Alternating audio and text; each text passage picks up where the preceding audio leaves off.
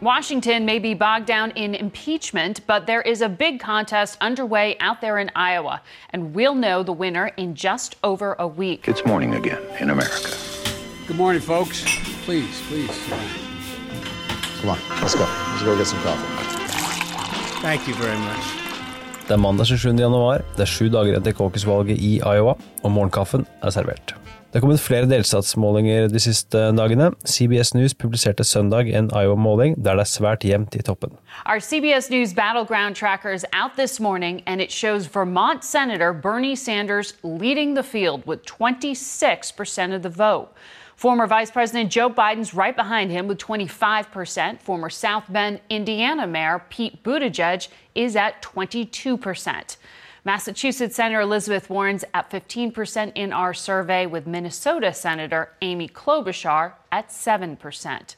The rest of the field comes in with 1% or less. Hos New York Times og Siena så ser det annerledes ut. Her troner Sanders suverent i Iowa med 25% og 7 prosentpoeng ned til Pete Buttigieg på 18% Joe Biden måles her til 17% Elizabeth Warren til 15 Amy Klobuchar får 8% mens Tom Steyer og Andrew Yang hver får 3 i helgen er det også kommet to nye målinger fra New Hampshire, som begge bekrefter at Bernie Sanders ligger i ledelsen også her. Hos CNN får Sanders 25% mens Biden får 16 Pete Buttigieg 15 Warren 12 Bak disse får Amy Klobuchar 6% Tulsi Gabbard 5 og Andrew Yang 5% hos NBC News er det noe tettere.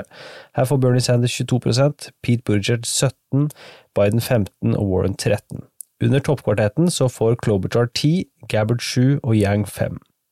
Hvis vi hopper til de nasjonale meningsmålingene, så viser Washington Post og ABCs måling at Andrew Yang er oppe på 7 prosentpoeng, som er en solid oppgang fra forrige måling. Biden leder nasjonalt med 28 Sanders får 24 Warren 11 Bloomberg 8 mens Pete Buttigieg får 5 Ingen andre kandidater over 3% på denne målingen fra Washington Post. Hos Fox News så holder Biden også ledelsen, men med lavere margin enn forrige måling i desember.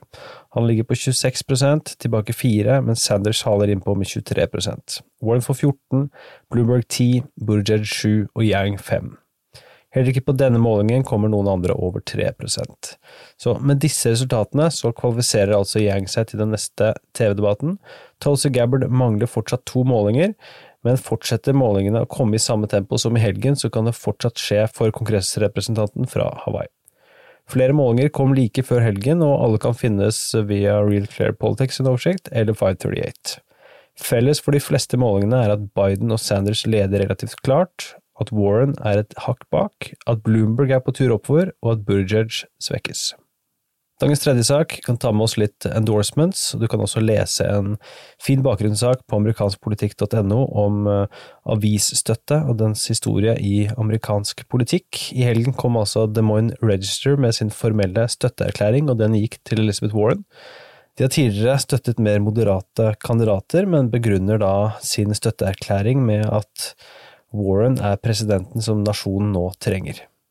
New Hampshire Union Leader ga sin støtteerklæring til Amy Klobuchar, og begrunner blant annet det med at Klobuchar er motkandidaten som Trump ikke ønsker seg, og at alle hennes motkandidater i den demokratiske nominasjonskampen har svakheter som Klobuchar ikke har, henholdsvis høy alder, uerfarenhet og svært venstreorienterte politiske standpunkter.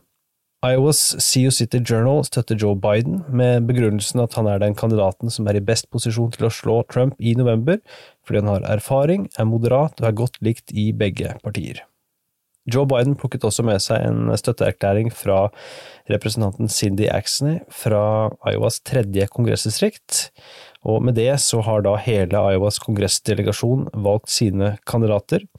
Biden har også fått en annen, Aby Finkenauer fra det første distriktet, mens Dave Lobsack ga sin støtte til Pete Buttigieg i forrige uke.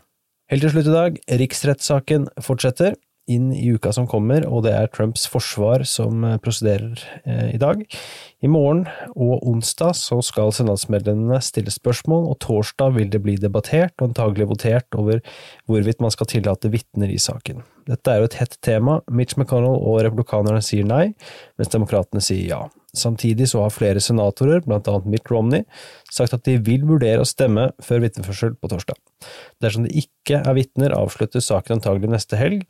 Dersom det skal føres vitner, vil saken trolig trekke ut i flere uker. Dagens utgave av Morgenkaffen er servert av Sigrid Rege Gårdsvold og undertegnede Are Togflaten.